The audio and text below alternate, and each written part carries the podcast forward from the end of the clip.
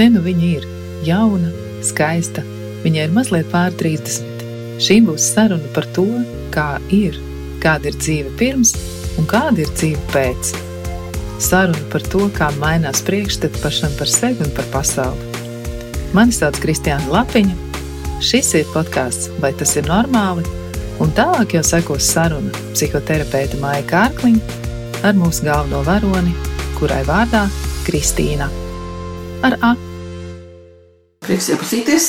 Jā. Es esmu Dārta Maija Kārkliņa, un jūs esat Kristīna Spēlmane. ah, ļoti jauki. Nu, kas tad ir tas, kas tā kā ir radījis domu, ka jāatnāk ir pie psihoterapeita? Ah, Mani uzrunāja mana bijusī kolēģe Kristiāna Lapiņa, Uh -huh. ah, jo viņa zināja ah, manu pagājušā gada cīņu ar ah, krūts Uh -huh. Un ah, tāpēc viņa man tā kā ieteica Hmm. atnākt. Uh -huh. Pašai tāda doma nebija. Nē, man bija, un, un, un es uh, citur esmu gājusi un, un runājusi par, par to visu. Gan laikā, kad ārstējos, gan arī tagad jau pēc Uh -huh. ārstēšanās. Jā, jūs ārstējaties stradiņos vai austrumu slimnīcā? Strādājums slimnīcā. Strādājums Mhm. Lūk. Nu, kādas tad ir tās šobrīd tā galvenās sūdzības, par ko ir, par ko ir tā kā kaut kādas bažas varbūt? Nu, šobrīd tās uh, galvenās lietas ir, uh, kad uh, ir daudz kas mainījies galvā, daudz kas mainījies emocionāli, un šobrīd ir tas brīdis, kad es mēģinu to pieņemt. Mhm. Jo man tas ir kaut kas tāds, kad mainās uh, vēlmes, uh, mainās kaut kādas vērtības un tas, ko es gribu, un man tas nav pierasts, jo tomēr es 30 pāri gadus dzīvoju ar vienu ideju, kā visam vajadzētu notikt, un tagad ir pilnīgi kaut kas cits. Un tas jūs tā kā uh, satrauc. Mani tas biedē, jā. Uh -huh. Mani tas Kas biedē. tajā tik biedējoši, tā kā liekas? Nu, es uh, vienmēr uzskatīju, ka dzīvē ir uh, jāskrien un jādara un, un, un jāmēģina kaut kas jauns. Tad uh, šobrīd es saprotu, ka man gribās vairāk būt mājās, negribās nekur iet. Es uh, kā trešo dienu esmu bezdarbnieks, es aizgāju no sev ļoti mīļa darba. Uh, un, un, un, un jo es saprotu, ka es nevalku vairāk, un man jāpieņem arī tas, ka es. Um, man nav tik daudz spēka vairāk, kā man bija vēl gadu atpakaļ. Kas tas bija par darbu? Jūs teicāt, ka Es strādāju valsts probācijas dienestā deviņus gadus. Un, uh, man tas darbs ļoti patika. Un ideja man patīk joprojām. Bet, uh, tas ir ārkārtīgi smags darbs.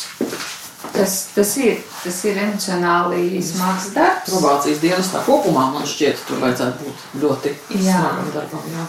Un, bet man, bet man viss, tās, tā visa joma ļoti patika, un man viņa joprojām liekas interesanta. Bet, bet tā kā es pēdējos divus gadus biju mm, pildīju vadītājs pienākumus, tad, tad es sapratu, ka nu, nevaru. Vairāk nevaru. Nu, šobrīd, nezinu, varbūt paies gadi, paies laiks, un es atkal būšu enerģijas pilna un spēšu uh, to slodzi un, un, un, un, un dot citiem, bet pagaidām man sapratu, ka man jātiek pašai ar sevi galā. Cik sen ir kopš slimības atklāšanas pagājuši šobrīd? Man, uh, nu, tas diezgan tāds pagājušs stāsts vispār, kā es sapratu, ka ir, bet uh, oficiāli man paziņoja 19. gada 16. decembrī.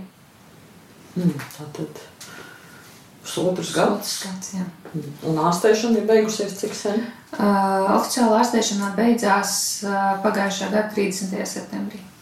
Mm -hmm. Tad šobrīd jau no pagājušā gada tātad septembra, jau šo laiku, tad gads jau. Jā. Kopš jūs esat beigusi ārstēšanu, un arī šo gadu jūs strādājāt. Visu. Jā, es vēl ārstēšanās laikā atsāku strādāt, tāpēc, kad uh, man, man, man bija uzskats, ka, ja es strādāšu, tas nozīmē, ka es esmu vesela. Un tiklīdz uh, es, es gribēju vēl ātrāk, bet tad bija Covid, un tad man aizliedza vispār jebkur iet. Un uh, tad vasarā man vēl bija ārstēšanās, man vēl bija priekšā staru terapija, bet uh, es nolēmu, ka es gribu atgriezties darbā. Un tā iespējams, tagad es saprotu, iespējams arī bija mana kļūda. Mm -hmm. Es nebiju vēl gatava, bet es ļoti gribēju. Un kaut kādā ziņā man tas tā kā deva tādu enerģiju, bet, bet es tā kā, nu jā, es iespējams tad arī bišķiņ pazaudēju to spēku, kad es vēl tā kā paralēli vēl ārstējos un vēl gāju darbu un, un, un tad visas pārbaudes, kuras man vēl tagad ilgstoši visu laiku ir jātaisa. Ir ģimene. Vīrs. Vīrs šobrīd ir tas, kas pelna naudu. Jūs Ā, šobrīd nu- saņemat, saņemsiet pabalstu droši ja? Uh, jā, es uh, piekdien tikai bija man pēdējā darba diena, un um, te atkal ir uh, jautājums par atbalstu, kurš man ir ļoti milzīgs. Vienkārši es nezinu, vai vēl lielāks vārds par milzīgu no ģimenes, uh, kad uh, aprīlī sāku, sākās tā krīze, kad es sāku saprast, ka es nevalku. Un uh, tad es sāku runāt ar ģimeni, nu, ko mēs darām. Nu, es, es saprotu, ka nebūs tā, ka es tagad nekad nestrādāšu, bet man ir vajadzīgs laiks. Un, uh, un gan vīrs, gan vecāki teica, bez problēmām mēs izvilksim kopā. Un tāpēc es, es gan tāpat mēnešus četrus dzīvoju tajā, kad iet, neiet, ko darīt, un tik foršs kolektīvs, tik foršs darbs, un drošība, un alga, un apdrošināšana. Nu, viss, nu, nu, nezinu, ko darīt, bet beigās tomēr vīrs arī redzēja, ka, kad man nav spēka, un tad viņš arī teica, ej prom. Tā es. Jūs sakat, no aprīļa sākās e, problēmas. Kā tas izpaudās? Kas tas tāds bija? Mm. Nu, pirmkārt, man sākās tādas depresīvas, visādas domas, un tad es, es nezināju, kur sevi likt. Es ļoti bieži raudāju mājās, un, un, un, un, un man bija arī doma to, ka es negribu dzīvot, tāpēc, ka es neredzu jēgu, ka Man vienmēr bija tā, ka man vienmēr bija plāni uz priekšu. Un te es sāku domāt, kādu jēgu plānot, ka vienu brīdi tev pasaka, ka viss tavu dzīve ir apstājusies un nu, visi plāni vējā. Un, jā, un tad kaut kā tā sākās man tādas. Neko negribējās darīt, man gribējās tikai skatīties vienā punktā, un, un, un nekur negribējās iet, ne ar vienu runāt. Un, Un es centos tā kā citiem neizrādīt, nu vienīgais vīrs redzēja to, kas notiek. Es centos arī vecākiem neko neizrādīt, jo viņi tāpat jau pārdzīvo. Bet tad, kad es sapratu, ka tas punkts uz i ir tajā brīdī, kad man sākās histērija vecāku priekšā. Jo tas ir ļoti reti, ka es vecākiem tā kā, nu, nu es negribu viņus satraukt, un, un es cenšos kā pati tikt ar visu galā, bet tad, kad es man nāca virsū, un es viņiem pateicu, ka es negribu dzīvot, viss man, man ir apnicis. Es neko, nekas nenotiek, es neko nezinu, ko es gribu. Tad es sapratu, ka kaut kas ir jāmaina. Vai, vai, nu, vai nu ir jārealizē sava doma par to, ka es negribu dzīvot, vai nu kaut kas jādara. Un tā es sāku domāt, ko man, ar ko man sākt. Un tas pirmais bija, ka man jāiet prom no darba. Bet līdz tam brīdim, kamēr jūs to realizējāt, ir pagājis diezgan ilgs laiks. Aprīlī sākās šīs te Jā, tādas jo pārdomas par dzīvi, ja mēs tā viņus maigi varētu nosaukt. Jā, šobrīd mums ir septembris. Jā, jo es, nu, es diezgan vienmēr esmu bijusi tāda impulsīva savos lēmumos, bet šoreiz ņemot vērā, ka tas ir.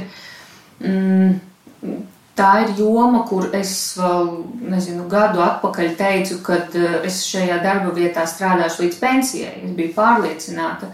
Tāpēc šādas domas priekš manis bet tas bija tik liels šoks, ka es kaut ko tādu vispār esmu iedomājusies, ka es gribu iet prom, kad es kaut kā sevi atradu to spēku, nē, Kristīna, tev vajag laiku padomāt. Un, ja tas būs jau vēl pēc kāda laika, tas nozīmē, ka ir jāiet. Nu, ka tas nav tāds spontānais, ko es pēc tam nožēlošu. Jo šobrīd es pilnībā neesmu to nožēlojis. Viss ir, nu, viss ir tā, kā es esmu kā iecerējis, un vismaz šobrīd. Bet uh, es baidījos, jā, ka tas būs tāds spontāns lēmums, un, protams, tie jautājumi par naudu un, un, un ienākumiem, un kā es dzīvošu, un esmu pieradusi, ka man vienmēr pašai ir nauda. Un, nu, tāpēc es tā nolēmu ļoti apzinīgi būt šoreiz un pie tā, pie tā jautājuma iet tā nopietni. Vai tajā aprīlī, vai pēc tam vēlāk kaut kad griezāties arī pie kādiem speciālistiem, tur pie ģimenes ārsta, piemēram, vai pie psihiatra? Vai... Uh, es gāju pie psihologa. Mm. Pie klīniskā psihologa gāju. Un tur arī es atradu daudz uh, atbildes priekš sevis, uh, kas man arī lika to lēmumu pieņemt. Nu, kad, kad, jā, kad man salika daudz tās situācijas pagriezt drusku no citas puses, es viņas ieraudzīju un te sapratu, nu, ka. Ka tas lēmums ir pareizs, ja, kurš ir jā, parādījies. Jā, jā. Nekādus medikamentus jūs nesat lietojis? Tādus nē, es, es nervu strongu vienīgais, ko es patīk pa laikam varbūt padzeru, bet tā nē, es neesmu neko lietojis. Mm -hmm. Un šobrīd, ja, ja mēs skatāmies uz šo brīdi, kādas ir šobrīd jūsu sajūtas, vai ir kaut kādas depresīvas domas, vai ir kaut kādas tādas vēl palikušas, vai viņas tomēr ir kaut kur izgaisušas jau? Uh, viņas ir ļoti samazinājušās. Viņas ir samazinājušās, uh, un, bet uh, jūtos es daudz labāk. Jūtos es daudz labāk. Mm. Tas, kas ir, nu, tās ir bailes. Tās ir bailes pēc katras uh, pārbaudes, kas, kas man, ko man regulāri visu laiku ir jādara, kas man arī rada tādu uh, nu, varētu teikt, depresīvu noskaņojumu, ka man, es praktiski dzīvoju slimnīcās visu laiku, es eju uz vienām pārbaudēm, uz otrām, uz trešām. Un katru reizi gaidot atbildi, man ir tā, ka es uh, gaidu to sliktāko, ka man atkal kaut ko pateiks, tāpēc, ka man ir paaugstināts risks uz atgriešanos. Un tāpēc es tā nespēju līdz galam tā atslābt, nu viss. Un tagad var dzīvot. Mm -hmm. Ir ģimenē kāda onkoloģija vai ģenētiski pārbaudīta? Ģenētiski ir pārbaudīts, jā, kad man ir atklāts tas un tieši viss sievišķā līnija. Un, nu, mammai bija, kad viņa bija grūtniece ar mani, vairāk tiec ar vēzi. Jā, un manam vecam tēvam no tēva puses bija aizkumtietis veids. Bet, bet nu, krūtsvēzis vai sievišķās nevienam nekad nav bijis. Nu, vismaz tik tālu, cik es zinu. Pārējiem. Šobrīd tad jūs klīnisko psihologu vēl apmeklējat? Jā. Mhm. Jā. Kā ne, ne tik bieži, cik sākumā, kad aprīlī, kad sākās, tad es diezgan bieži, tad tagad es tā tīri profilaksējas aizēju Es uzskatu, nu, ka tas, tas ir vajadzīgs. Mm -hmm. Kādu reizi mēnesī šobrīd jūs ejat, ja? vai divreiz? Nu, reizi mēnesī, dažreiz divreiz mēnesī. Pirms, kamēr es strādāju, tad varbūt retāk sanāca, tad uh, tagad nestrādāšu un nestrādāju, nu, tad varbūt kādreiz biežāk. Lai saprastu, ko, ko man darīt tālāk. Mm -hmm. Mm -hmm. Būtībā jau viss jūs ļoti pareizi darat šobrīd, ja? ko tur var pateikt. Jo, nu, mm, nav jau jēga iet pie uh, diviem speciālistiem vienlaikus. Ja? Mm. Ja jūs ejat, jūs ejat pie viena, un jā, nu, tas biežums nu, to jau nosaka tomēr arī speciālists, cik bieži tā vajadzība. Vai tā ir reize nedēļā, vai tas ir divas reizes nedēļā, vai tā ir divreiz mēnesī, varbūt kaut kāda situācija, vai reiz mēnesī. Ja tas tā kā mm. ok. Bet par tām vērtībām. Uh, Tad, nu, jūs esat, var teikt, tāds klasisks piemērs tam, ka nu, lielākā daļa pacientu, kas vēzi ir pārslimojuši, saka, ka ir dzīve pirms un ir dzīve pēc. Jūs, es saprotu, arī pilnīgi piekrītat. Jā, es, es neatšķiršos, un, bet tas atnāca pavisam nesen, neskatoties to, ka jau ir gads pagājis kopš ārstēšanās, bet tas, šī atziņa man atnāca pavisam nesen, jo arī tā problēma, ko es arī ar uh, savu psihologu toreiz runāju, ka mm, es nezinu, vai tā ir visiem, bet man bija tas, ka es uh, visu laiku centos atgriezt to Kristīnu, kas bija agrāk. Es visu centos darīt, lai, lai dabūtu to Kristīnu, kas ir agrāk. Un, uh, un, uh, Gribēju skriet, gribēju darīt, gribēju visur, visu, visu ķert, un, un man visur vajag būt, man visu vajag darīt, jo tāda es biju agrāk, un man bija bail pieņemt kaut ko jaunu. Un uh, tagad būtībā, nu, nemelošu, varbūt pusotru, divus mēnešus, kā es ļauju sev, piemēram, ārā ir silti, vasarā jā, bija silti un vajadzēja iet ārā, bet es ļauju, gribēju sēdēt mājās. Es ļauju sev sēdēt mājās, nezinu, likt pūzli, gulēt, skatīties televizoru, nu, kad neiet līdzi tam, tam, tam tā kā vilnim, kad kā vajag. Un, jā, nu man, man, es nevaru teikt, ka man pirmajā vietā vērtība ir ģimene, kā daudzi saka, bet es noteikti esmu sākus vēlēties vairāk pavadīt laiku ar ģimeni. Jo arī ārstēšanās laikā bija Covid, un vienīgie cilvēki, kurus es satiku, bija vīrs un vecāki. Un praktiski astoņus mēnešus redzēju tikai vīru un vecākus un slimnīcas pārstāvis. Un, uh, tas arī kaut kā satuvināja. Un, uh, jā, tas, tas ir tas. Bet, uh, jā, man nav vai, vairāk tās vēlēšanās kaut kur skriet, kas bija agrāk. Bet tad nu, pusotru mēnesi, ja jūs sakat, jūs esat jau diezgan pārliecināti, ka jūs jūtaties savādāk un tās vērtības ir pamainījušās. Vai tas ir vairāk labi vai vairāk slikti? Man liekas, ka tas ir loģisks rezultāts tam, ko es piedzīvoju. Mm -hmm. man liekas, ka, mm, ja man sākumā likās, ka man vispār nav izmaiņu, pilnīgi nekādu, tad um, nu, es droši vien negribēju viņus redzēt. Bet man liekas, ka kaut kādas izmaiņas, mazākas vai lielākas, notiek vienmēr pēc, nu, vismaz pēc šādiem gadījumiem. Um, es runāju arī ar, ar ot, otru, ar citu cilvēku, kurš savukārt bija līdzās vēža slimniekam, un, un es ņemot vērā, ka vīrs man nav pārāk emocionāls, lai stāstītu par savām sajūtām, tad es mēģināju ar to paziņu uh, saprast, kā jūtas tas otrs cilvēks, kas ir blakus. Tad, pieņemsim, tajā gadījumā šis pēc vēža ārstēšanās šis cilvēks atkal iegāja alkoholā. Tas bija cits variants, arī mainījās. Nevaru slēpt, ka man arī sākumā bija lielāka vēlme lietot alkoholu pēc ārstēšanās, laikam, pirmos divus, trīs mēnešus brīvdienās. Mm, bet, bet izmaiņas man liekas, notiek visiem. Es, es, es nezinu, kam, nu, varbūt ātrāk, varbūt vēlāk vienīgais, bet izmaiņas notiek visiem. Mm -hmm. Nevar teikt, nu, jā, tas uh, absolūti pozitīvais šajā ziņā pēc, pēc manas pieredzes, jo es 14 gadus strādāju ar onkoloģiskiem pacientiem. Tas ir darbs, ko es daru dienu dienā. Un līdz ar to tā pieredze druskuļi pa tiem gadiem ir sakrājusies. Un es varu teikt, ka mm, jūs esat tajā mm, visnotaļ pozitīvajā pusē. Jo um, nu, loģiski katrs no mums vērtē pēc sevis. Arī jūs vērtējat pēc sevis un pēc savas pieredzes.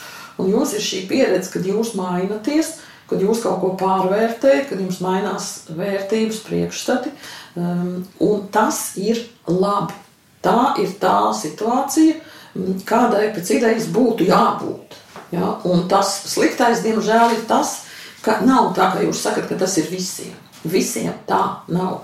Bet pēc manas pieredzes ir tā, ka tie, kuriem ir šādas izmaiņas kā jums, tiem daudz labāk veicās gan ārstēšanās, gan gala rezultāts, bet tiem, kas paliek tajā vecajā situācijā, ja, tiem gan, tā, gan tie rezultāti, gan tas pats process ārstēšanās, tiem iet sliktāk. Ja? Tā kā jūs esat pilnīgi noteikti uz, uz, uz pareizā ceļa. Ja? Jā, tā tas ir, ka tas nenotiek tā, mm. ho, un ir. Ja? Tur nav nekāda brīnuma, nav arī nekādas brīnuma zāles, lai varētu pieņemt šo situāciju un paskatīties uz, uz lietām savādāk. Bet, bet arī tas, ko jūs sakat, ja jūs esat bijusi ļoti um, strādīga, apzinīga, vienmēr visu varoša. Ja? Tad, tad ļoti labs darba ņēmējs, kurš iet un skrien un, un, mm. un visu dara. Ja? Uh, visas šīs lietas ir raksturīgas uh, cilvēkiem, kuri saslimst ar vēzi. Ja? Tad tie Pārsvarā gadījumos ir, nu, ja mēs te nerunājam, piemēram, par nezinu, smagiem alkoholiķiem, kurš saslimst ar pankreas, ar aizkuņu dziedz ar vēzi, tāpēc, ka, tāpēc, ka viņš viņu vienkārši nodzērs, rupi mhm. runājot, ja? Mm, bet, bet, ja mēs runājam par tādu cilvēku, kurš ir, nu, adekvāts, it kā, var teikt, sociāli, ja? tad, tad tieši tie ļoti, ļoti apzinīgie, tie, kas vienmēr skries pa priekšu, tie, kas uh, visu darīs, ja, un kuri vēl pārdarīs par citiem arī. Tātad visas šīs lietas, tās, diemžēl, ir raksturīgas jā, cilvēkiem.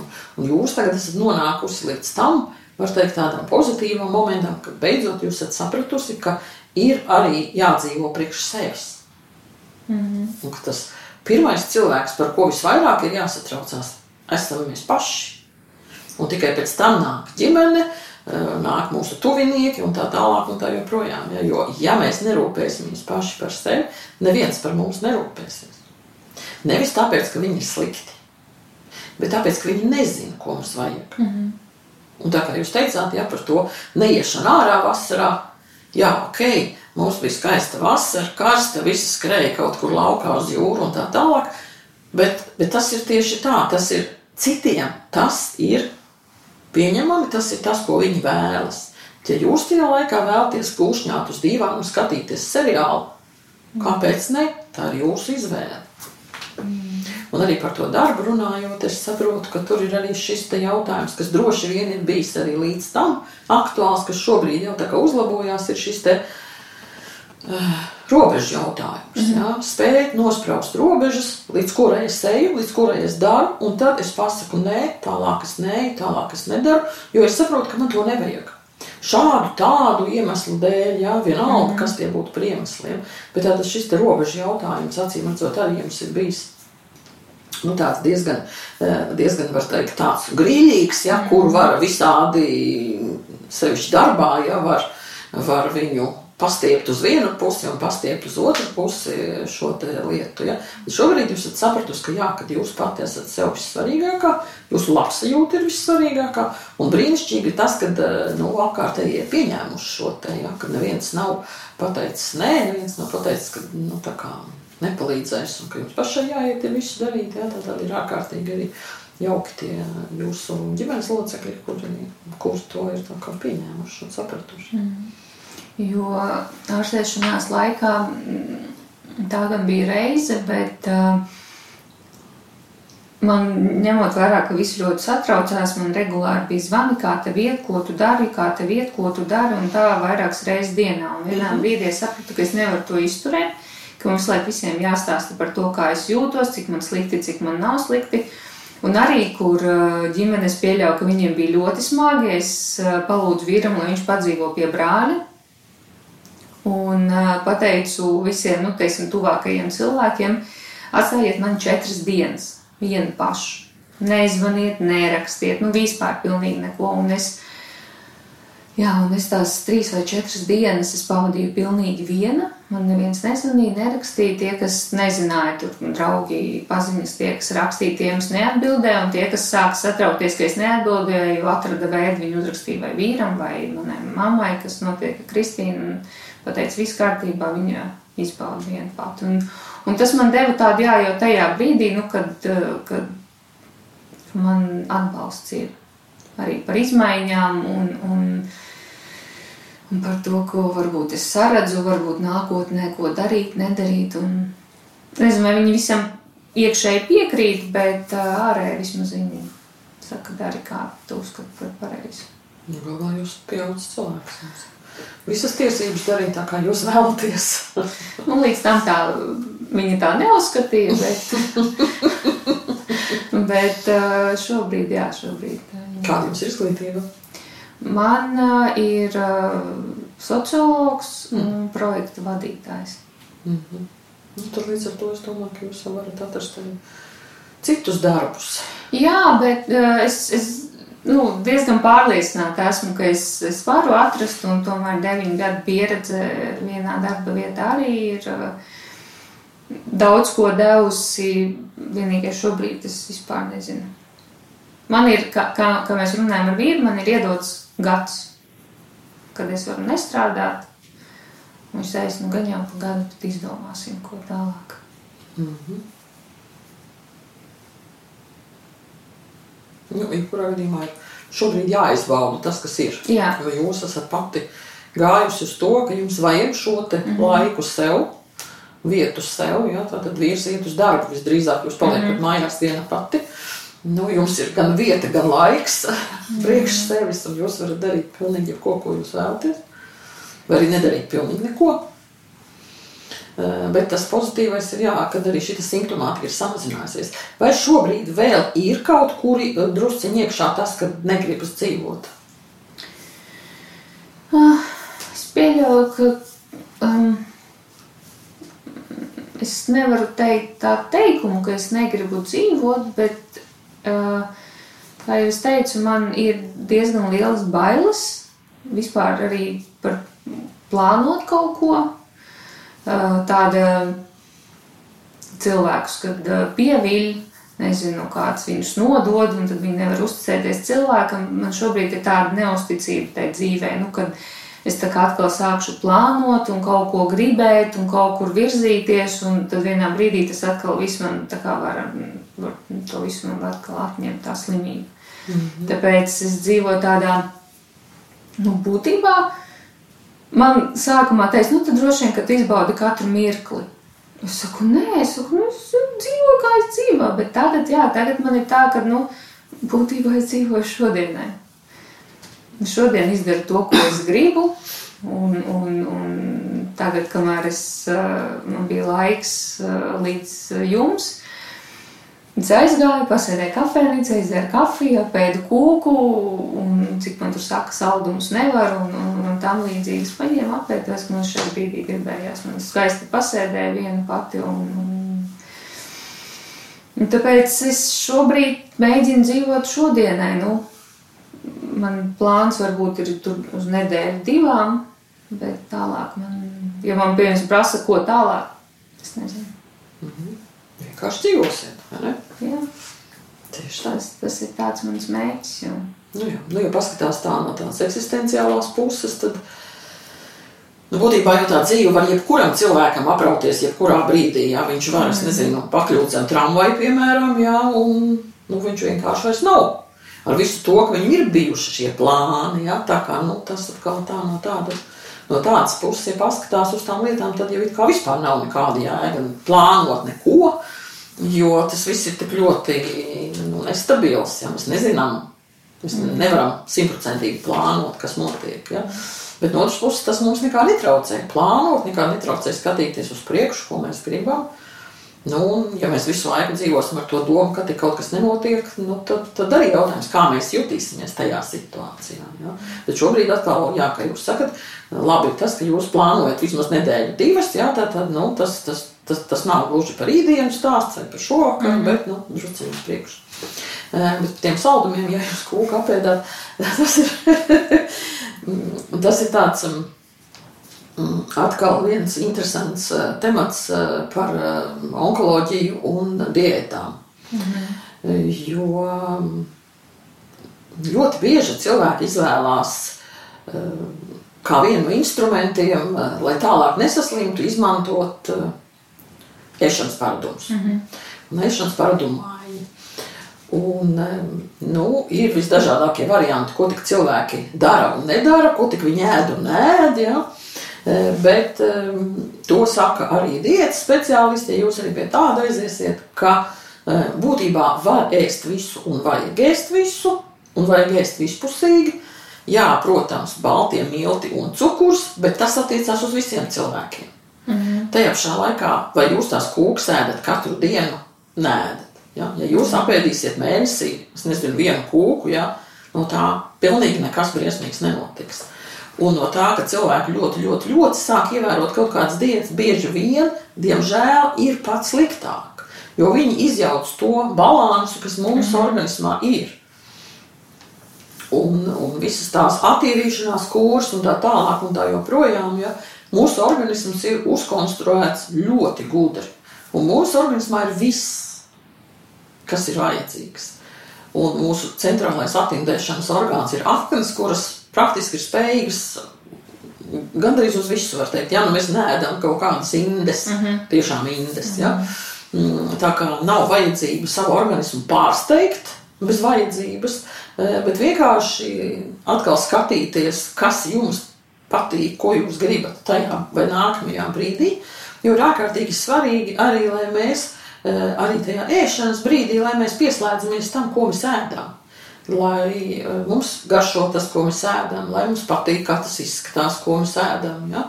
lai mēs mhm. izbaudam to procesu.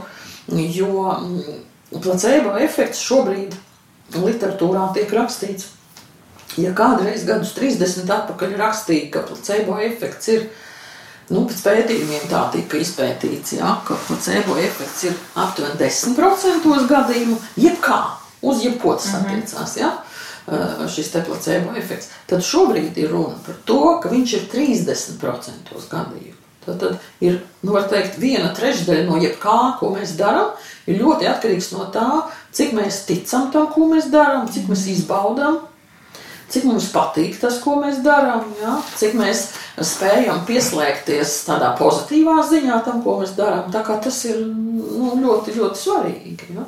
Un šeit ēst, piemēram, nu, kaut vai par ēšanu, ja? ēst to, kas jums, nu, piemēram, riebjās, vai jums ļoti negaršo, bet viņš ir rakstīts, ka tas ir veselīgi. Ja? Nu, ir ļoti jāšaubās, vai tas iedarbosies pozitīvi. Ja jūs to ēdīsiet, tad doma, fuck, kā man riebjās, bet man tas ir jāēd. Ja? Tā kā tas, nu, tas arī tāds ļoti divdomīgs moments, var teikt, par to ēšanu. Ja? Ka cilvēki ļoti, ļoti bieži to izmanto kā tādu instrumentu, ja? lai varētu, varētu kaut ko mainīt. Jo, ja jūs nebaidījāties un jūs gājāt meklēt palīdzību, ko darīt ar to, kas ir galvā, Mhm. Tad eh, liela daļa cilvēku no tā baidās. Viņi neiet meklēt to, kas tur galvā nav gluži šobrīd, varbūt tā kā uh, gribētos, bet viņi izvēlas kaut kādas vieglākas lietas. Ja tā ir diēta, tas ir fiziskas aktivitātes, mm. varbūt tādas, ka iet un tur no, nodzen sevi tik tālu, kad jau, mhm. kad jau nevar paiet un, un viss spēks ir un tā tālāk. Ja. Bet, bet nu, joprojām arī neviens nav atcēlis to, kā onkoloģiska slimība tomēr joprojām tiek uzskatīta arī par psihosomatisku saslimšanu. Tad saslimšana, kur ir šis te, gan, protams, ar iedzimtības faktors un dažādu mutācijas faktoru, gan, protams, ir arī šis psihoemocionālais faktors. Un, jā, man ir prieks, ka jūs esat izvēlējusies šo te pareizo ceļu, var teikt. Ja? Jo nu, tas tas, kā mēs domājam, ko mēs darām, par ko mēs esam pārliecināti un kā mēs risinām kaut kādas mm. lietas, tas jau viss ir mums, mums galvā. Tas nav tā, ka kaut kur citur tas rodās. Mm. Nu, ēšanu runājot, nu es tieši ārstēšanās laikā bija ļoti daudz um, saucamie divānu eksperti, kuri mm. teica, kā man tagad ir jādzīvo, kas man jāēd, kas man jādara, un ņemot vērā, ka es vienmēr diezgan mm, esmu ietek, biju, nu, arī bišķiņ tagad esmu joprojām, bet vispār biju ļoti ietekmēta no citu viedokļa, tad uh, mans, uh, mana reakcija tam, ko es, ko nē, es biju pilnīgi pretēji tam, ko man teica, man ieslēdzās spīts. Jūs man sakat, nē, šito es ņēmu un ēdu. Es ēdu, un, un sēdēju mājās, un es ēdu un saldumus, un sāļos, un neveselīgos, un mēs pasūtījām ar vīru, un es abi divi kaut laikā sēdējām mājās. Un, un, un pilnībā, bet uh, arī bija tas, ko dzer to, ēd to, bet man riebās, man negribējās, un tas pilnīgi nestrādā tajā brīdī. Mm -hmm. Pie uzturu speciālista vispār ir būts? Nē, pie uzturu speciālista arī neaizgāju, nezinu kāpēc. Mm -hmm. Šobrīd ir tāda iespēja, man šķiet, ka viņi ir, ja paskatās. Austrums slimnīcas mājaslapā ir psihoemocionālā atbalsta kabinets, Mm -hmm. un tur ir uzturu speciālists, kas pieņem kaut kādus, nu, dažas dienas nedēļā. Tur ir arī telefons, var sazvanīt, un tas ir bez maksas. Pirmkārt, tas ir nemaz svarīgi. Otrkārt, uzturu speciālists ir tāds, jā, kas tieši runā par onkoloģiju un uzturu, nevis par kaut ko kopumā. Mm -hmm. ja. Ļoti sakarīgas konsultācijas, cik es esmu no pacientiem dzirdējusi. Tur var mierīgi aiziet. Tur var iet jebkurš. Mm -hmm. Vienkārši iepriekš vajag sazvanīties, nu, kad viņi ir tā uzturu mm -hmm. speciālisti. Tur var iet gan, gan cilvēks, kas ir ārstējies stradiņos, gan Daugopilī, gan, gan vienalga, kur, jā, tā kā tas, tas nav noteikts. Tā kā tas, ja ir interese, te ir atkal jautājums, ja ir interese, tas noteikti nav nekas akmeni iecirsts, jā, bet ja parādās tāda interese, tad, tad tā ir vieta, kur var dabūt sakarīgu konsultāciju bez materiāliem ieguldījumiem, teiksim Mhm. tā. Ja, ja jūs iesiet kaut kur citur, tad viss noteikti būs Nu, jā. uzreiz tā būs kaut kāda nauda, jā, un, un, un līdz ar to tā kā. Mm. Un tagad, ja jūs nestrādājat, tad jums apdrošināšana arī vairs nav. Jā. Ir kādu brīdi, Kādu brīdi es, nebūs, es jā. izpirku, jā, bet, Mm. bet tā Nu, jā. jā. Eh, Bet, bet eh, tur, tur var iet un, un saņemt šādu te konsultāciju. Mm -hmm. Tā kā tas ir par ēšanu runājot. Kā ir ar tādu lietu kā ar miegu, kā jūs guļat šobrīd? Vispār es guļu ļoti labi. Es guļu ļoti labi. Jā, ir uh, kaut kādas dienas, pieņemsim, pagājušā nedēļa, ņemot vērā, ka tā bija mana noslēdzošā darba nedēļa. Protams, iekšēji tad es satraucos, un tad es, tas miegs bija tāds ļoti raustīts un slikts. Bet uh, kopumā es varu teikt, ka es guļu labi. Es arī ārstēšanās laikā, tur gan es vienkārši ritmu izjaucu, ņemot vērā, ka es sēdēju mājās, tad es tur gāju 4 no rīta gulēt un 11 cēlos, bet, uh, bet kopumā man miegs uh, ir labs. Un eh, tāds eh, simptoms, kas mēdz arī būt eh, kā trauksme, kā tāds iekšējs satraukums, tāds mēdz būt, mēdz parādīties kaut kādās situācijās. Vai Man- bija tāds varbūt? Man uh, savu laiku pagātnē neatceros, kurš tas desmitais laikam gads bija. Tas vien- viens tāds notikums, pēc kura man, uh, es nezinu, iespējams arī agrāk bija, bet toreiz aktivizējās, ko visi sauc par to vegetatīvo distoniju. Un uh, arī šobrīd man tā ir, bet, šo, bet uh, es atkal nezinu, kur iekšēji dabūju kaut kādus tos resursus par to, kā, nu, kā es māku cīnīties ar to. Es atradu veidus, kas man vienmēr, man piemēram, vienmēr jābūt ūdenim līdzi, jo tajā brīdī, kad man sākās, man vajag ļoti daudz ūdeni izdzert. Un tad es tā kā brīžiem nomierinos, bet man ir un, un uh, trauksme man, protams, ārstēšanās laikā šobrīd viņa atkal bišķiņi ir biežāk palikusi. Kaut kādos brīžos, bet nu, tās panikas lēkmes sākās bišķiņi, kad liekas, nu, tu Kā tas izpaužās tās panikas? Ah, elpošana, un tad, eh, tad bišķiņ tā kā liekas, ka galva sāk reipt, un, un tirpt liekas, ka tirpst rokas un kājas, un, un grūti elpot, un, un, un liekas, nu, ka tulītās visas noģīpšu tur, kur es esmu, tur es arī palikšu. Mm -hmm. Es eh, jebkurā brīdī vienkārši pēkšņi Mm -hmm. sākās, bet es saku, tāpēc man vienmēr ir uh, litriem ūdens līdzi, un tad es vienalga, pat ja pēc tam nebūs, kur uz stoli aiziet, bet es izdzeru bez mazliet pus, puslitru ūdens, un tad tas man, Un tad tas pāriet. nu, viņš tā kā ne līdz galam, bet viņš man ļauj tā kā bišķiņi attiekties un tā Mhm. nomierināties, tad jā. Mm. Bet tā tad tas sākums ir bijis kaut kad jau iepriekš. Tas, pirmās tas, jā, tas bija pēc nu, viena notikuma, un Cik jums toreiz gadi bija? Desmitais gads. 20 kaut kas, 3, 4. Mm -hmm. Līdz tam nebija nekas. Nu, es vienmēr esmu bijusi tāda trauksmaina, bet tas vairāk tāds vienkārši satraukums, ka es bieži satraucos par visu, un tad es tādu niķīgi vairāk biju. Bet tīri kā tādas panikas lēkmes, Mhm, viņas sākās. Mhm. uh, Kurš trīs gados parādījās Jā, pirmo reizi. jā. Mhm. Bet, ja mēs uh, paskatāmies uz šo saslimšanu, kas, kas šobrīd uh, tiek ārstēta, uh, vai kaut kādu neilgu laika periodu, nu, kādu gadu, pusotru gadu, varbūt pirms tam uh, nebija kādas stresa situācijas, tādas, kas tā kā varētu veicināt, varbūt tos. Ah, ja kopumā ņemot, tur vispār gāja krustu šķērsām, gan privātajā dzīvē, tur nevarēja saprast, un mēs bijām arī ar vīru šķiršanās robežas nereiz vien, un, un uh, es tā kā ņemot vērā, ka mums nesanāca, diemžēl vairāk arī šobrīd nesanāks realizēt sapni par bērnu, tad, tad, tad bija tā, ka es atmetu visam roku, un, un, un tad es vispār pievērsos pilnīgi kaut kam citam, man bija vienalga, ir ģimene, nav ģimene, var iet prom, dari, ko gribi, un, un nu, es biju Stress man bija tāds, ka es ļoti daudz strādāju.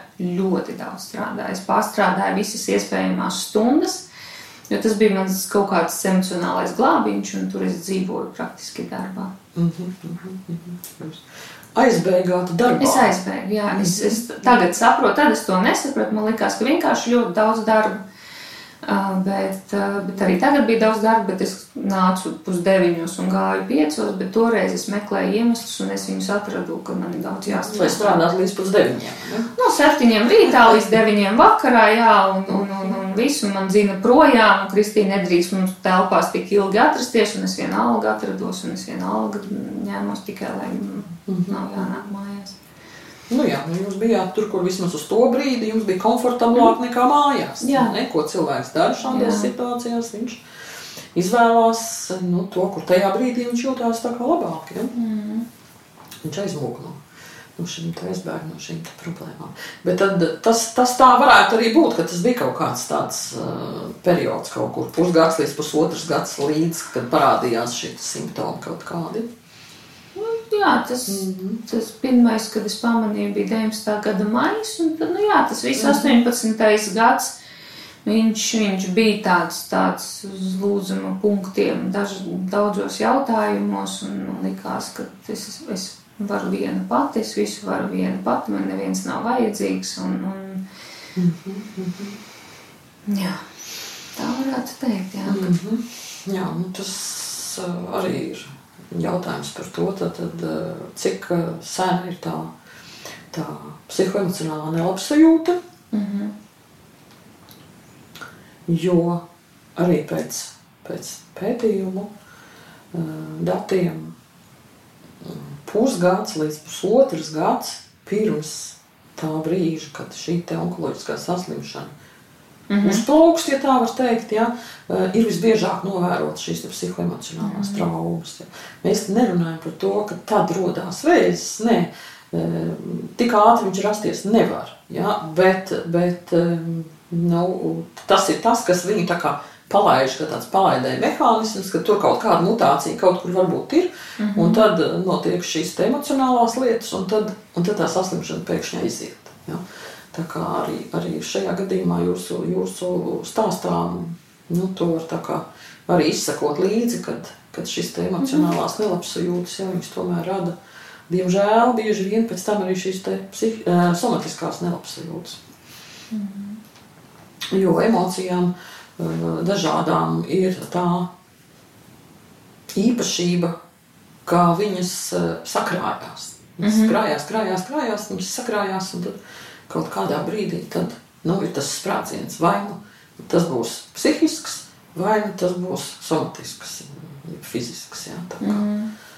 Un tad, nu, uz kuru pusi tas aizies? Jā? Citam varbūt, kuram, piemēram, nav varbūt šīs te, um, predispozīcijas ģenētiskās, mm. tas varbūt būs, piemēram, depresija, uh, izpaudīsies, jā, smaga kaut mm. kāda, uh, vai, nu, ja, ja tāda ir, tad iespējams, ka tā būs šāda te, mm. um, somatiska saslimšana. Ja? Tā kā tas nu, arī. Diemžēl, bet pierāda, ka, ka dzīvē tas notiek tā, kā notiek. Vienkārši nu, mēs dzīvojam un nepievēršam tam uzmanību bieži vien. Ja? Mums liekas, ka jā, kad, nu, mēs kaut kur varam aizbēgt, mēs kaut kur varam aizmukt, bet no sevis aizbēgt nevar. Tas ir tas trakākais vai, vai, vai labākais, mm. grūti pateikt, jā, kad, kad mēs no sevis nevaram aizmukt. Mēs varam mēģināt aizmukt no situācijas, no cilvēkiem, Bet tas, kas mums ir galvā, nu, tur jau tā problēma ir šākatā. Neatkarīgi no tā, kur, kur mēs to problēmu mm. risinām un uz kurieni mēs ejam ar to problēmu, kas mums ir galvā. Ja? Vai mēs esam darbā, vai mēs esam mājās, vai mēs braucam ceļojumā. Ja? Bet, bet, ja mums viņa ir, tad mums viņa ir. Un kaut kādā brīdī nu, kaut kas var, diemžēl, noiet, noiet greizi un parādīties tā saslimšana. Ja? Tas ir nu, no tāda viedokļa, lai jūs arī saprastu varbūt, šo mehānismu, mm -hmm. nu, kā, tas, kā tas notiek, kā tas darbojas, kā tas strādā. Ja? Jo tas ir atkal, ja skatāmies no, no, no cilvēka kopumā, mm, tad tā ir mm, organisma aizsarga reakcija. Mm -hmm. Viņš kaut kā, viņam ir jā, jāizreaģē, jo tām emocijām viņām kaut kur ir um, nu, jāiziet pa kaut kurieni. Ja? Tā kā mums, kad mums uzvārās ūdens, tad teikām sāk svilpt un nāk, nāk snīpi laukā tvaiks. Ja? Mm -hmm. Līdzīgi ir arī cilvēkam. Kad ir kaut kāds problēma kopums, tas, tas vācās, vācās, vācās, un tad ir kaut kāds uh, tas kritiskais, kritiskais līmenis. Un tad nu, kaut kur tam tvaikam ir jānoplūst pa kaut kādu atvēru. Jautājums, pa kādu tas būs. Jā, vai tas būs šis fiziskais vai, vai, vai psihiskais variants. Jā? Nu, jūsu gadījumā tas bija šis te, uh, fiziskais variants. Un tas ļauj arī līdz ar to domāt uz priekšu, un saprast to, ka mm, tad, acīm redzot, jums tas ir tāds vājais punkts. Un ar to ir jārēķinās. Mm -hmm. Jo ļoti labi, ja mēs zinām, eh, kādi mēs esam un kādos brīžos mēs varam varbūt tur mm, kaut ko izdarīt tā vai šitā, kur, kur mūsu aizsardzības var nobrukt kaut kādā mhm. brīdī. Ja? Un tas nozīmē, ka, jā, kad iespējams jūs esat no tiem cilvēkiem, kuriem jā, ir šī emocionālā puse ārkārtīgi svarīga, un līdz ar to tur, nu, vai visu laiku, vai ik pa laikam kaut kas ir jādara, ja? vai tā ir kaut kāda um, personīgā psihoemocionālā higiēna, vai jūs ejat pie kāda speciālista. Mm -hmm. ja? Vai jūs uh, nodarbojaties ar kaut kādām tur, nezinu, relaksa metodēm. Mm -hmm. ja?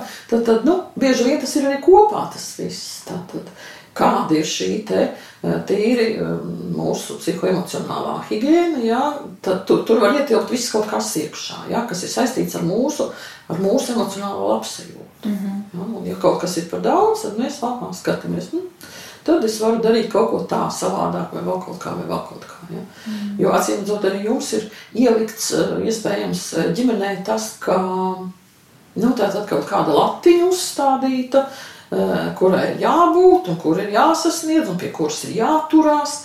Eh, bet jautājums, vai tas, kas mums ir mm, uzstādīts kā kaut kāds eh, līmenis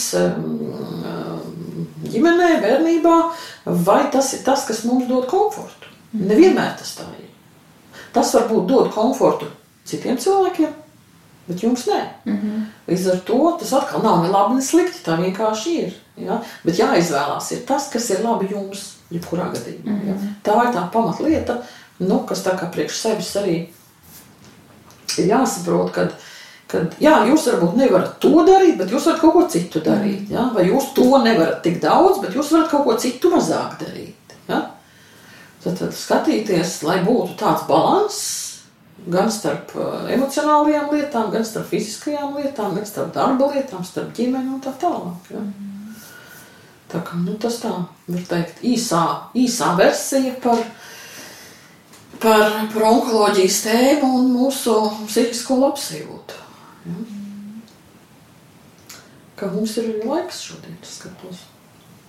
Laiks ir paskrējis vēl uz pāriem. Var teikt. Ja? Vai šobrīd ir kaut kādi jautājumi vēl, Kristīna? Nē, es, es vienīgais, es visu laiku ceru, ka uh, es spēšu priekš sevis uh, savu, tā kā man gribās produktīvi pavadīt šo laiku, kad, kad es tā kā varu darīt to, to ko es kā, gribu ikdienā. Un... Es domāju, ka noteikti. Jo jūs jau redzat, ka tas ir process. Mm -hmm. ja? Ka tas ir process. Viņš iet, tas process, to, to var, var saukt arī par par krīzi vai par sērām, ja, kur, kur ir tie zināmie etapi jāiziet, mm -hmm. ja, lai tiktu līdz tam, tam beigām, kad cilvēks tiek ar tām lietām galā, viņš pieņem šo situāciju un tajā pašā laikā viņš zina, ko viņš darīs tālāk. Ja? Tas nav tā, kā jau teicu, tādā vienā brīdī, vienā dienā. Tas ir process. Un, un jūs pilnīgi skaidri redzams, ka jūs ejat ejiet viņam cauri, ja, šobrīd jūs, es saprotu, esat kaut kur starp depresiju un starp pieņemšanu tajā, tajā jā, posmā. Ja, būt, jā. Jo tur ir noliegums, dusmas, kaulēšanās, depresija un pieņemšana. Mm. Ja. Un pirms pieņemšanas, nu tad, ja tur ir tas pagarinātais cikls, tad, tad, tad, tad tur vēl liek tā saucamo pārbaudīšanas tādu tā kā starposmu. Mm -hmm. ja. Es teiktu, ka jūs šobrīd esat tajā pārbaudīšanas posmā, jo jūs esat pieņēmis ļoti daudz lēmumus. Tajā pašā laikā šobrīd vēl jūs neesat pieņēmis tādus ilgtermiņa lēmumus mm -hmm. vai ilgtermiņa plānus, ja? bet jūs par to neapzināti, bet pilnīgi noteikti domājat. Līdz apziņai vēl tas nav nonācis, bet jūs noteikti esat jau šajā situācijā. Mm -hmm. Jo no depresijas lielos vilcienos jūs esat ārā. Ja? Mm. Bet līdz tai pilnīgai pieņemšanai jūs vēl neesat. Jūs esat tajā starpiņā. Un es saprotu, ka jūs šobrīd tiešām jūs tā kā, nu, tā kā cilvēks, kurš iet pa, pa kaut kādu nelīdzenu virsmu, ja viņš mēģina saprast, kur, kur ir kaut kāda nelīdzena, kur mm -hmm. ir kaut mhm. kas, kad, lai es izietu tā, ka man būtu labi, ka man būtu komfortabli. Mm -hmm. ja? Es domāju, ka jūs tajā situācijā esat. Un nākamais solis ir tas, kad jūs tiekat tam pāri, jūs pieņemat šo situāciju, un jums ir arī plāniņš, ko jūs darat tālāk. Ja? Bet tas atkal nenozīmē, tas plāns, eh, jebkurš plāns, ehm, ko mēs pie kā mēs nonākam, ja, tas nenozīmē, ka tas tagad būs vienīgais uh, dzīvē, uz ko mēs simtprocentīgi vienmēr iesim. Jo dzīve jau ir mainīgs process. Varbūt, ka paiet kaut kāds laiks, jūs kaut ko nomainat. Ja? Mm -hmm. Tas ir tikai normāli. Mm -hmm. ja? bet, bet katrā ziņā nu, šī te, es domāju, ka jūs kā reiz esat tiešām nu, ļoti tā skaisti, var teikt, jā, ar, ar klīniskā psihologa palīdzību arī izgājusi cauri šai krīzei, šim sērošanas procesam, jā, un, un šobrīd ļoti, ļoti labi ejat, ejat pareizā virzienā. Tā kā man ir prieks par jums. Paldies! Paldies! Labi, nu ko? Labi. Prieks ar jums strādāt. Jā, paldies man arī. Es ceru, ka jums arī kāds kāds eh, domu graudiņš kaut kur Jā. aizķersies. Jā. Labi. Paldies!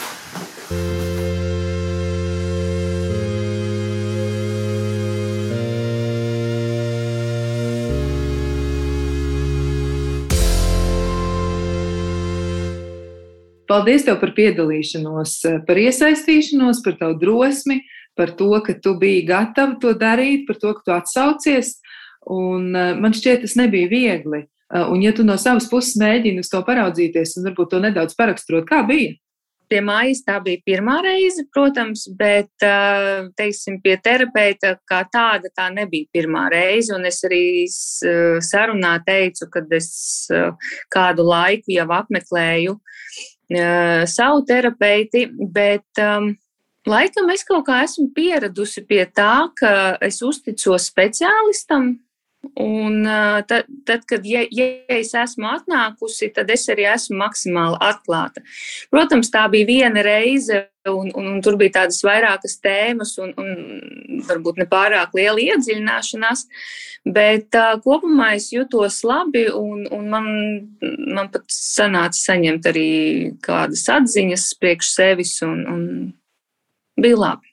Kas bija tas, ko tu atklāji, ko tu atklāji pati pati sev, kas bija tas tavs jaunums, varbūt šajā, šajā sarunā, kas atnāca pie tevis? Um, varbūt tas nebija jaunums, bet um, šobrīd uh, ir ļoti liels pārmaiņu posms manā dzīvē. Un uh, es varbūt dabūju tādu priekš sevis nu, atziņu, ka uh, es eju pareizajā virzienā kad uh, es sāku kā, dzīvot vairāk sev, ieklausīties vairāk sevī, uh, pieņemt varbūt ne pārāk ērtus lēmumus priekš sevis, priekš citiem. Bet, uh, jā, un, un, un to arī māja apstiprināja beigās, ka nu, vismaz no tās vienas sarunas viņa saprata, ka tas virziens man ir pareizs uz tādu nu, fizisku atvesaļošanās ir viens, bet uz tādu emocionālo at atvesaļošanos. Jā, tas patiesi nav viegli, un arī man vēlreiz jāpauž ir apbrīna tavai drosmai, ka tu esi spējusi pārvarēt tik daudz šķēršļus un, Un es tiešām, nu, varu teikt, ar vienu aci pazīstot tevi, un te mēs varam atklāt arī tiem, kas klausīsies, ka man ir personiskas attiecības ar tevi. Es tevi pazīstu kā cilvēku, un tu man vienmēr esi likusies tāda ļoti, ļoti dzirkstoša un iesaistīta un pārņemta nākotnes plāniem un ar to, ka ir jābūt visu laiku kaut kur nu, spējīgam iet un darīt un atsaukties vienmēr uz visu. Un uh, tu arī pieminēji dzīvi pirms un pēc, jūs arī runājāt par to. Mm -hmm. nu, mhm. kas ir tas attiecībā uz šo, vai tur ir kaut kas tāds, ko tu arī saprati pēc šīs sarunas, kas ir bijis pirms tam tavā galvā un varbūt kas ir tagad? Nu, tā galvenā atziņa ir tāda, ka um, visu dzīvē paspēt nevar. Un uh, tas, ka pirms tam man ir licies, un kad uh, es arī teicu par to, ka vat, vasarā viss saka, ir jābūt aktīvam, ir jāiet laukā, ir, ir kaut kas jādara, ka gulēt pie un skatīties televizoru nav pareizi. Un man vienmēr likās, jā, tā arī vajag darīt. Un, un tagad es saprotu, es negribu. Man negribās iet ārā. Man gribās pagulēt mājās, man gribās pasēdēt uh, ārā ir 30 grādi, man gribās mājās pasēdēt puzli palikt. Nu, man, man tiešām ir tas, ka es esmu uh, Uh, pilnīgi, nu, varbūt ne pilnīgi vēl šobrīd es mācos, bet um, esmu sākusi pieņemt sevi to, kas man patīk, un, un, un tās intereses, kas man patīk. Un, protams, es uh, apbrīnoju savu ģimeni arī par izturību un par, par atbalstu, bet tomēr es esmu vairāk pievērsusies tādam tā kā sevis mīlēšanai un, un sevis iepazīšanai. Un, tā ir tā lielākā atšķirība pirms un pēc. Jo agrāk es skrēju, man vajadzēja visur būt. Man, man, man likās, ka man jābūt visur. Ar draugiem, ar ģimeni, ar kolēģiem, ar, ar, ar labdarības organizācijām, ar nu, visur. Man bija jābūt pilnībā. Bet tagad es esmu tajā momentā, kad man ir forši mājās. Un, un tikai ar savējiem, un es jūtos komfortabli, un nav vēlme neskriet neko. Un, un tas man ir tas svarīgākais, kas šobrīd ar mani notiek. Arī mēs runājām ar māju par plāniem, par to, ka man īsti nav šobrīd kaut kādu nākotnes baigo plānu, man ir bišķiņa bail to plānot. Bet es esmu uh, arī Instagramā sākusi rakstīt uh, bezdarbnieka dienas grāmatu, ja, un, un katru dienu es atrodu vienu lietu, ko es izdaru priekš sevis. Un tas tāds diezgan mērķtiecīgs šobrīd priekš sevis man uzdevums, un, un tas ir forši. Un, un ka es, vien, kad es dienā tiešām izdaru kaut ko, kas man ļoti patīk. Jā, man liekas, daudziem cilvēkiem ir ļoti grūti nonākt līdz tam stāvoklim, ko tev ir izdevies sasniegt. Nu, proti, ka viņi uzticētos kādam citam, kas ir blakus, un mēģinātu arī daļēji tās savas grūtības vismaz izstāstīt kādam, kas ir līdzās, un tad sadalīt to slogu, kas ir nesams vismaz uz kādu laiku. Kā tas ir? Ko tu teiktu citiem, varbūt ar ko ir jāsāk? Jo ir taču tik grūti pārvarēt sevi, un savukārt ir tik viegli pateikt, es visu varu, es visu darīšu, es, es nevienam nedošu to savu nastu nest, un es audzēšu savu ģimeni, es audzēšu tos, kas ir blakus. Nu, kā ar to?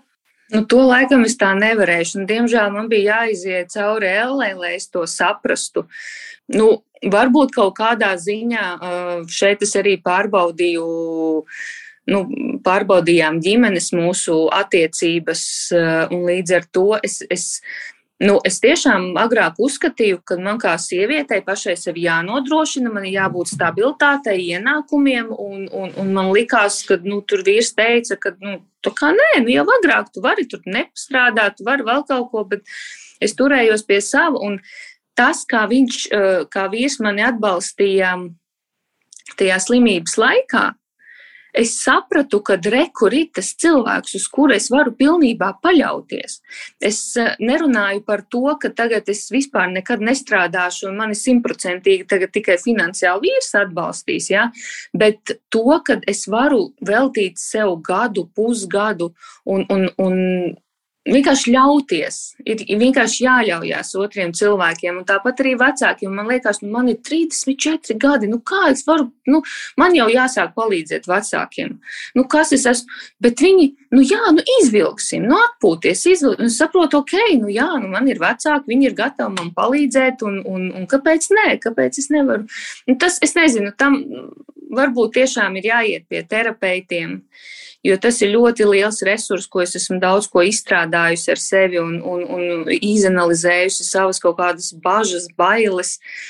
Un, un pateicoties varbūt tam, es arī nonācu pie tā, ka jā, es varu uzticēties citiem, un nekas slikts nenotiek, un rekur normāli var dzīvot.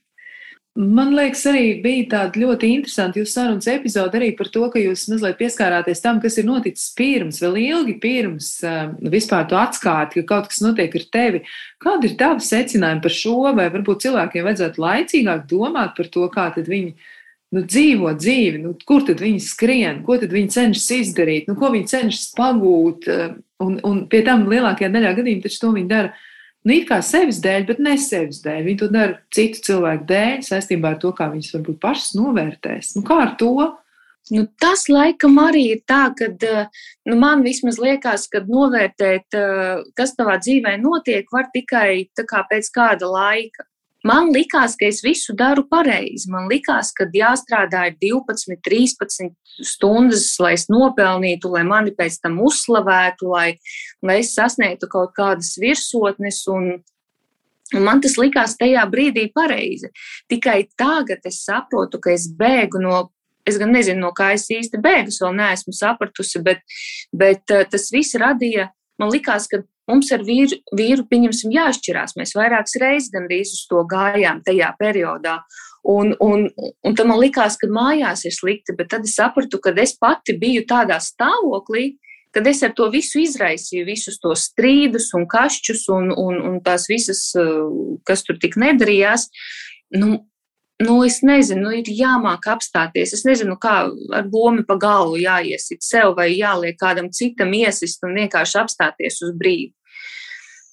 Jā, tā varētu būt ļoti laba stratēģija. Bet tu arī teici, ka tad, kad tev bija ļoti, ļoti grūti, un ka tu biji slimnīcā, un ka tu biji ļoti noraizējusies par sevi, ka tev bija par daudz to citu cilvēku, vai tā arī varētu būt tāda mokošā galējība, kas ir no citiem, nu, ka mums tik ļoti gribas iesaistīties un tik ļoti gribas palīdzēt, kā, bet tajā pašā laikā tas varētu būt arī ļoti grūti tam cilvēkam, kurš ir visu šo notikumu epicentrā. Viņam ir grūti izturēt to, ka kāds varētu justies labāk tajā brīdī, kad viņš noskaidro, kā tam slimajam draugam iet. Un uh, tam slimajam draugam nepavisam tajā brīdī negribas uz to jautājumu atbildēt, kā tad viņam iet.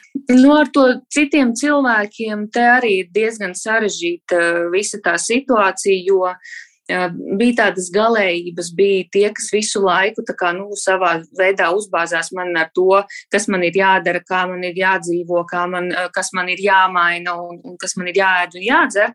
Uh, bija cilvēki, atkal, kas bija nu, kaut kādu brīdi pazuduši no manas dzīves uh, uz to brīdi, un man nerakstīja un, un man nezvanīja.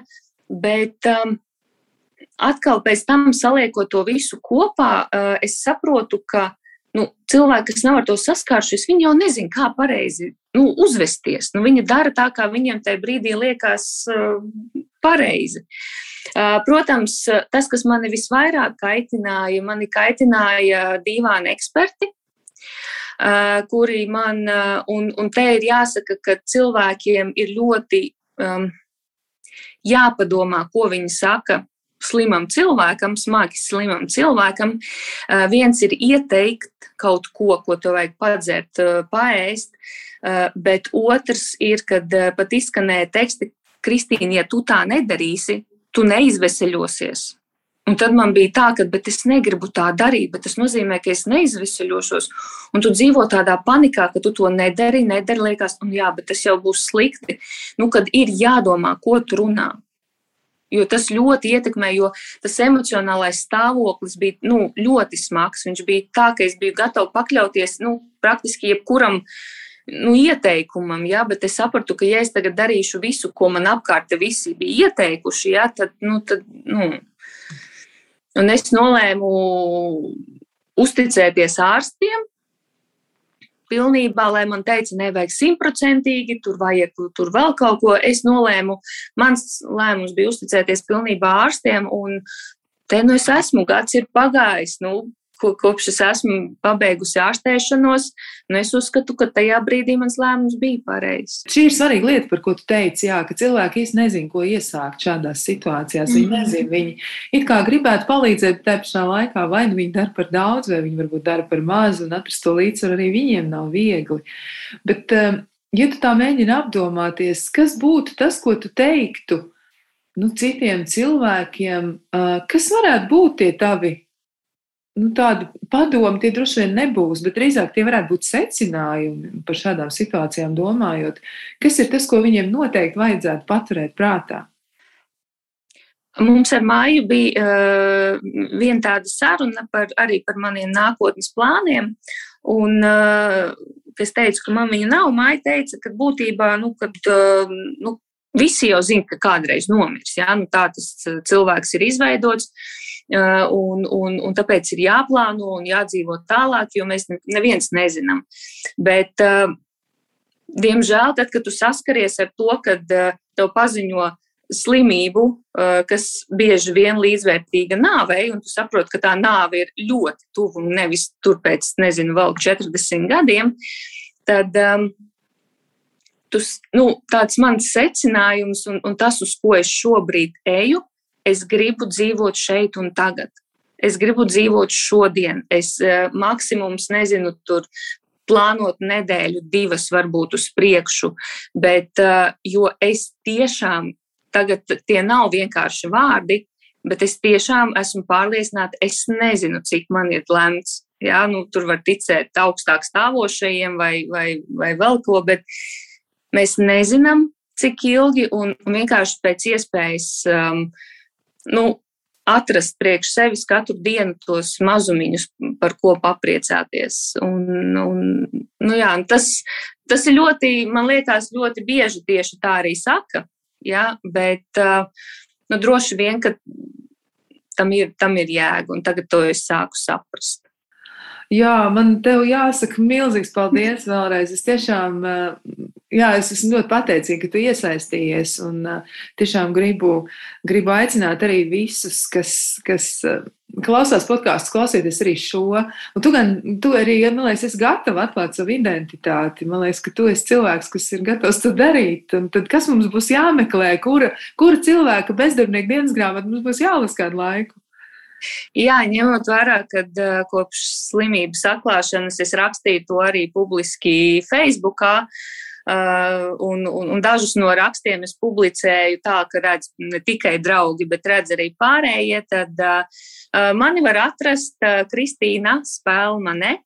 Uh, un uh, šobrīd man bezdarbnieka dienas grāmata ir tikai storijos, uh, kā bildes, bet es pieļauju, ka ar laiku man ir dažādi plāni, Un, un es ceru, ka uh, par to, kā to bišķiņu vairāk popularizēt un, un, un atklāt, tāpēc, um, tāpēc, jā, ja jums ir interese un, un ja tas iedvesmo, tad uh, kāpēc ne?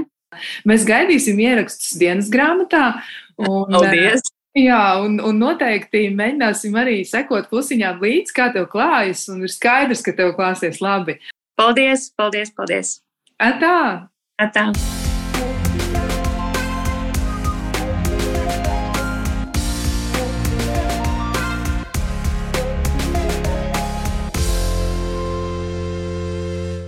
Šī ir sarunas daļa ar psihoterapeitu Maiju Kārkliņu, un mēs mēģināsim apsvērt, kas tad īsti ir sakāms par to, kas bija sarunā ar Kristīnu.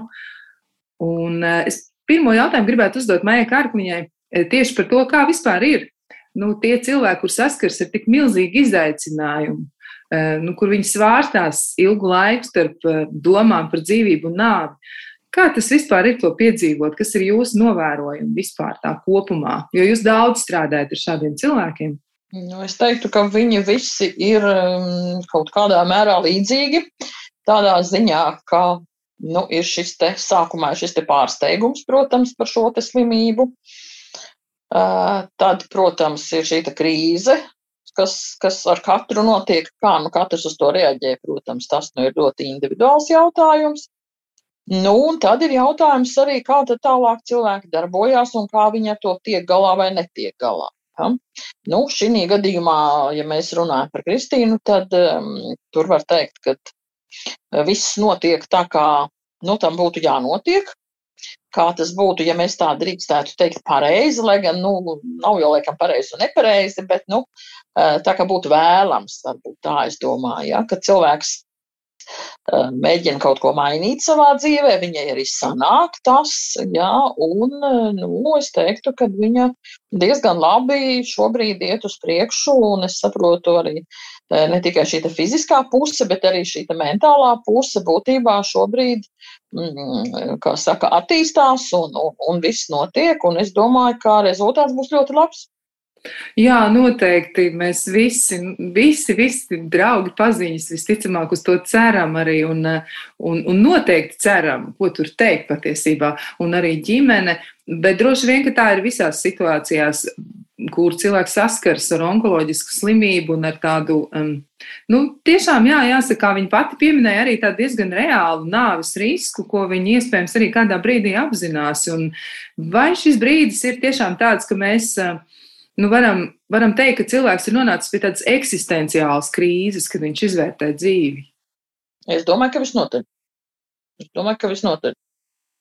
Jo tas ir nu, lielākajā tiesā gadījumā pietiekami maz tādu uh, cilvēku, kuri nu, faktiski šajā noliegumā tā arī turpina dzīvot.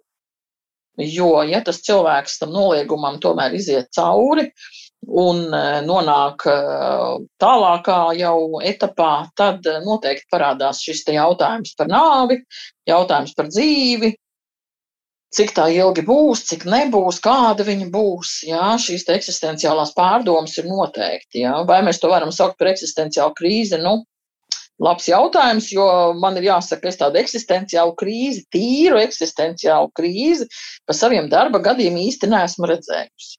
Es esmu redzējis traumatiskās krīzes kopā ar eksistenciālām krīzēm. Ja? Jo tāda tīra eksistenciāla krīze, nu, varbūt, man nav gadījies vienkārši tādu redzēt. Ja? Jā, un eh, vēl arī man ienāca prātā tā doma par ļoti spēcīgām emocijām, jo viņi arī teica, ka ik pa brītiņam, tad, kad ir kārtējā pārbaude un ka ir jāsaskars atkal ar to izaicinājumu, nu atkal tu esi aci pret aci ar to, kas notiek, tad uh, Nu, kā tas ir? Jo katru reizi taču ir bailes, un katru reizi ir milzīga spriedze. Vai šais gadījumos arī ir tā, ka cilvēkiem būtu jāmēģina apgūt arī tādi, nu, tādi mehānismi vai veidi, kā uzrunāt sevi, lai vieglāk tiktu tam cauri, kas notiek. Jo tas atkārtojas kādu laiku, kamēr ārsti ir pilnīgi droši, ka nekas nenotiek, nelāks, un, un vienalga laiku pa laikam ir kāds pārbaudas, kontrola pārbaudas pēc, ik, ik pēc laiciņa. Nu, kā tikt ar to baiļu sajūtu galā? Nu, tur var mēģināt kaut kādus eh, šos te mm, relaksācijas vingrojumus, kaut kādas tādas lietas. Ja? Respektīvi, ir jāceļ šī savu stresa tolerance. Jā. Ar visdažādākajām metodēm, kā nu katrs to, to teiksim, dara vai nedara. Citi vienkārši pieņem to kā faktu, nu, ka pirms pārbaudas ir jābaidās. Nu, viņš pabaidās, nu, pēc tam viņš savā ziņā var teikt, nu, tā kā pierod pie tā, ka ir šīs bailes viņam. Eh, bet eh, nu, pa, parasti jau, kā saka, šie rezultāti ir labi un nu, pamazām, pamazām, kā, kā mēs pierodam pie ļoti daudz kā dzīvē, nu, tā arī pie šīm bailēm cilvēki pamazām pierod. Ja, jo tādā sākuma etapā tās bailes ir lielākas, bet pēc tam, pēc tam jau tās bailes tomēr kļūst mazākas ar laiku. Un cilvēks adaptējas. Jā, tieši tā. Jā. Tā, viņai jau, jau tas ir diezgan agrīns, tas, tas, tas laiks, ja, tas gads būtībā, ka tā ārstēšana ir pavisam nesen beigusies, tā kā vēl ir tā diezgan aktīvā pārbauda priekšā, jo pēc tam tās pārbaudas kļūst mazākas un, un, un, un tad arī tās bailes kļūst mazākas. Un, protams, arī nu, šajā ziņā varbūt tāds nevisai eh, pozitīvs eh, moments ir tas, ka eh, viņa ir jauna un jauniem cilvēkiem, nu, loģiski tās bailes parasti nu, ir lielākas no nāves. Jo, ja cilvēkam ir 80 gadi, tad viņam ir nu jau tomēr dzīve nodzīvota, un viņš skatās tomēr nedaudz savādāk uz tām lietām. Jā, tāda skaidra likumsakarība, jo jaunāks tu esi, jau vairāk tu savā ziņā baidies, bet laikam taču visi cilvēki baidās, vai veci vai jauni. Jā, tas ir ļoti sarežģīts mirklis kaut kā tajā, tajā brīdī, kad tev liekas, ka dzīve ir pie kājām, nonāk pie kā tāda, ka tu esi spiests uzdot jautājumu, kā tad būtu tālāk. Bet eh, nu, arī jā, dzīve pirms un dzīve pēc ļoti atšķiras un izskatās, ka arī tagad ir.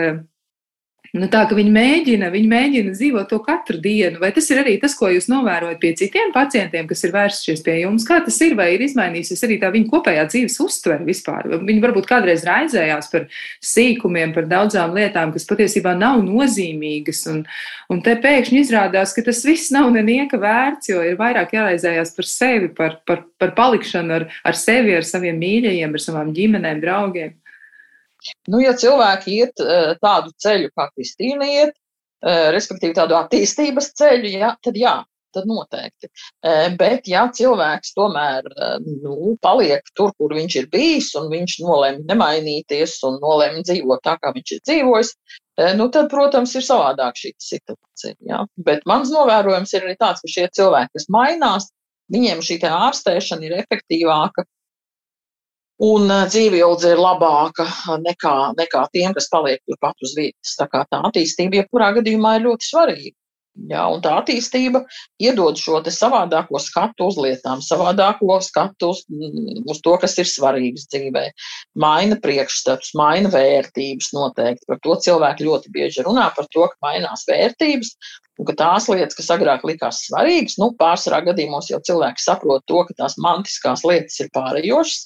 Lietas, kas ir svarīgas, būtībā ir tās, tās ko par naudu nevar nopirkt. Tas ir tā, tā ir tā viena no atziņām, ko cilvēki saprot, un tad arī, tad arī tiek izmantots uh, šis laiks ar tuviem cilvēkiem un, un, un arī dažādas aktivitātes, kas jau cilvēkiem ir būtībā saistītas ar pašu veselību, ar pašu izglītību, ar būšanu kopā ar mīļajiem, nevis tur, es nezinu, kaut kādu lielas naudas pelnīšanu un, un kaut kādu lielu māju celšanu, ja, bet tātad šis te Mm, būtībā tas, tas pieturs punkts mainās, un cilvēks saprot, ka kad, um, tās vērtības ir citas un ka dzīve var apstāties jebkurā brīdī. Mainās arī šī te tā kā uztvere, ja, kas, kas ir dzīve vispār.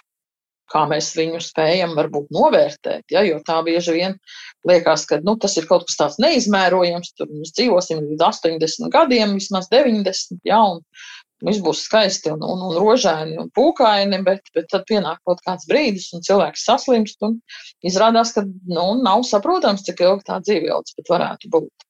Bet um, man arī nu, likās ļoti iezīmīgi nu, tā epizode, kur jūs arī izrunājāt to, cik ļoti dažādi izturas tie cilvēki, kas ir līdzās. Jo ir tādi, kas, man liekas, tieši to savu iekšējo trauksmēnu izjūtu dēļ par katru cenu grib paust labvēlību un atbalstu un, un tādu pozitīvu attieksmi tam cilvēkam, kurš ir saslims, bet beigās viņu, viņu attieksmi kļūst par apgrūtinājumu. Jo pat, nu, Tā ir vēl grūtāka situācija. Viņi norāda vēl tiešāk uz to, ka tu taču esi slims un tagad stāsti man, ka tu jūties labāk, lai es justos labāk un ērtāk. Ja? Un nesaki man, ka tu joprojām esi slims un ka tev ir slikti. Es to negribu dzirdēt. Kā tad, kā tad izturēties tiem cilvēkiem, kas ir blakus, kā viņiem spēt to pieņemt, ko viņiem darīt ar sevi? Nu, kā kurā situācijā, droši vien skatoties, uz kuru pusi tas uh, līdzi esošais mēģina vilkt, vai uz to vienaldzības pusi, vai uz to pārliekās uh, aprūpas pusi. Uh, tad ir jāskatās, bet jebkurā gadījumā tā pamatlieta laikam tomēr ir tā, ka mēģināt saprast to, ka šie cilvēki, kas šobrīd ir slimi mm, un ārstējās, ka patiesībā jau viņi ir tādi paši, kā, kā bija līdz tam. Un ka nekas radikāli nav mainījies. Tā kā mēģināt uztvert to cilvēku, tomēr, eh, nu, tā kā mēs iepriekš viņu uztvērām, jā, mēs varbūt pie vajadzības pajautājam, vai nevajag kādu palīdzību, bet tas nav jādara piecreiz dienā, un, un tas nav jādara uzmācīgi, jā, bet, bet būtībā ir jāizturās tāpat kā ar jebkuru cilvēku.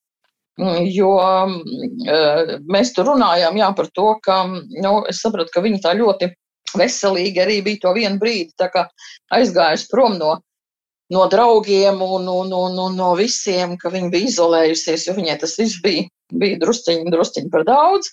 Uh, bet um, bieži vien stāsta, ja, kad ir šādas situācijas, nevienmēr cilvēki var tik veselīgi noreaģēt patiesībā, nu, kā Mm, tā vienkārši pateikt, ka jā, ok, viss ļoti skaisti, bet tagad es četras dienas nebūšu. Eh, bet, bet es zinu, ka, piemēram, nu, cilvēki ne tikai tā, tik tuvi, bet, piemēram, kolēģi, ja, tur mēdz bieži vien rakstīt, tur sūtīt ēpastos visādas palīdzības visiem dzīves gadījumiem, un tad tur tiek vētītas viss uh, pilnīgi absurdās uh, paramedicīnas metodes. Un tad es zinu, jā, ka, ka tā ir, ka cilvēki arī šiem saviem kolēģiem saka, ka nu, būtu liels lūgums varbūt nesūtīt šīs visas lietas, jo pirmkārt es to visu nevarēšu neizlietot nekā citādi, otrkārt es arī to negribu lasīt. Jā, bieži vien tāds tas teiciens ir. Jā, tā kā, tā kā, nu jā, līdz cilvēki katrs ierod, ieraug kaut kādu, kaut kādu sīkumu, kaut kādu lietu, nu it kā jau labu vēlēdams mēģina palīdzēt, bet reāli tas ir apgrūtinājums šiem cilvēkiem. To jā. vajadzētu padomāt. Jā, nu vēl arī bija tā viena epizode par to, ka Mm, jūs apspriedāt arī to, ka tiešām ir diezgan daudz tādu stresogēnu faktoru, kas ir vēl ilgi pirms tam, pirms, pirms vispār cilvēkam sāks kāda problēma. Diezgan daudz pētnieku ir to akcentējuši un nonākuši pie, sāda, pie šāda secinājuma, ka tur ir tāda nu, psihosomatiska sakarība. Tad, mm, kā jums liekas, nu, vērojot arī ne tikai Kristīnu, bet arī, arī citus cilvēkus savā praksē un savā pieredzē, nu, kā tas ir? Ehm, kas ir tās biežākās lietas, kam cilvēki pievērš par daudz uzmanības, un ko viņi mierīgi varētu laist brīvi, lai tas nenotiek, vai to nedarīt, vai tajā neiesaistīties? Nu, kur viņi iekrīt tajā slazdā? Kas ir tas biežākais?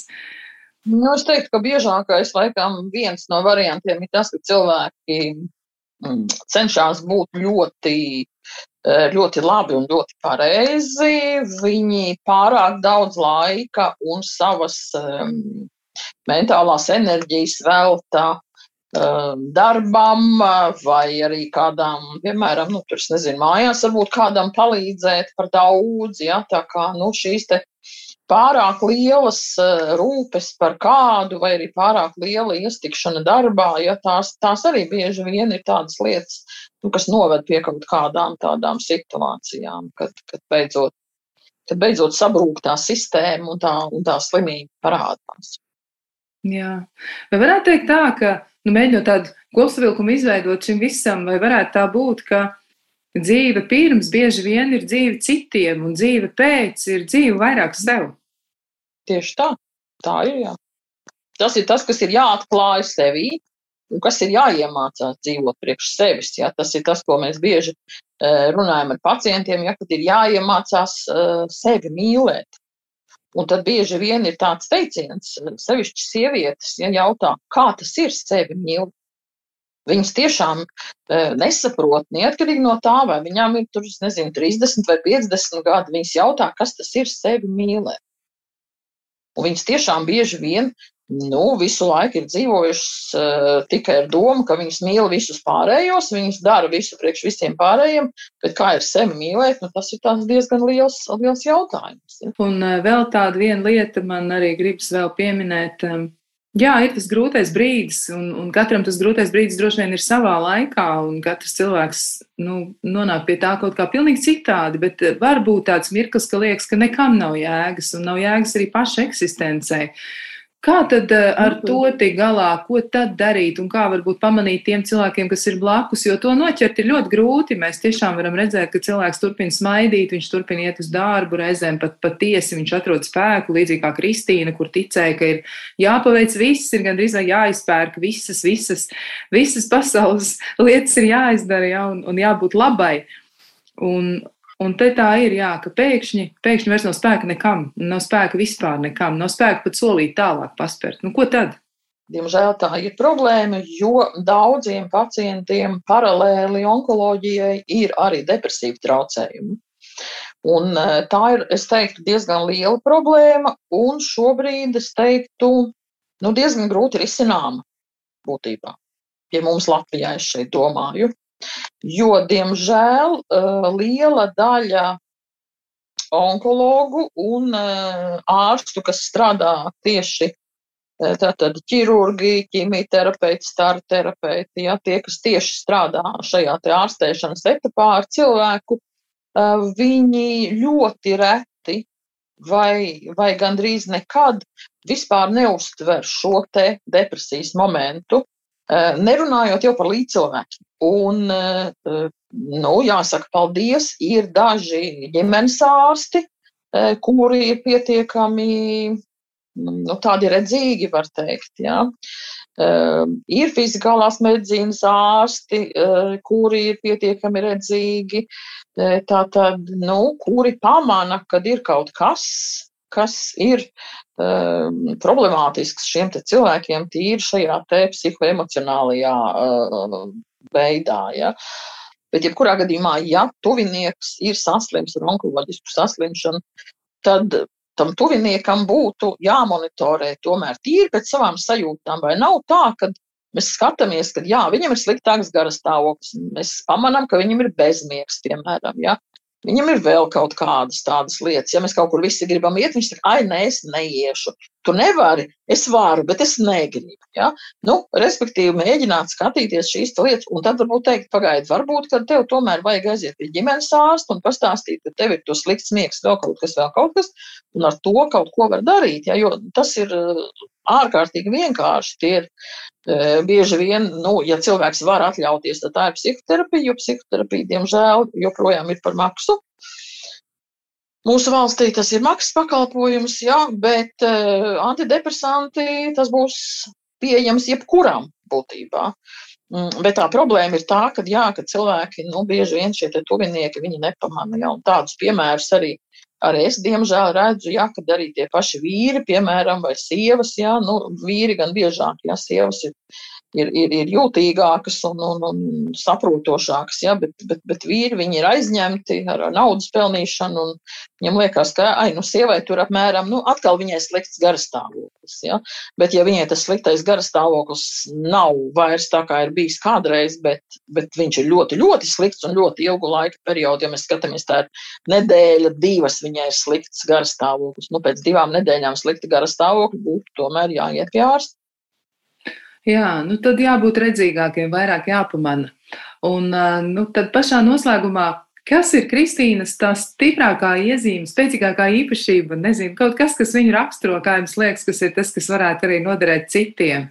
Bet kas ir tieši viņai, ko jūs pamanījāt, kas viņai piemīt? Es domāju, ka viņai, nu, es pieņemu, ka tas varētu būt gan personības eh, kaut kāda īpašība, gan varbūt tas, ka viņa ir pietiekami jauna tomēr. Man liekas, ka galvenais ir tas, ka viņā ir tā eh, spēja pieņemt kaut kādas citas lietas, spēja pieņemt kaut kādas jaunas lietas, kad viņi skatās uz, uz to, kas notiek, nu, arī savā ziņā tā kā uz tādu iespēju. Domāju, ka tā ir viņas stiprā puse visnotaļ. Paldies jums par sarunu, paldies jums par to, ka bijāt kopā ar Kristīnu un paldies, ka pavadījāt viņu tajā stundas ceļā, nepilnās stundas ceļā stāstā par viņu pašu. Un paldies arī jums par komentāriem. Un mēs no sirds ceram arī, ka tie cilvēki, kas klausīsies šo podkāstu, ka tajā arī atradīs kaut ko sev ļoti, ļoti noderīgu. Jā, bija prieks sadarboties. Uz redzēšanos! Uz redzēšanos!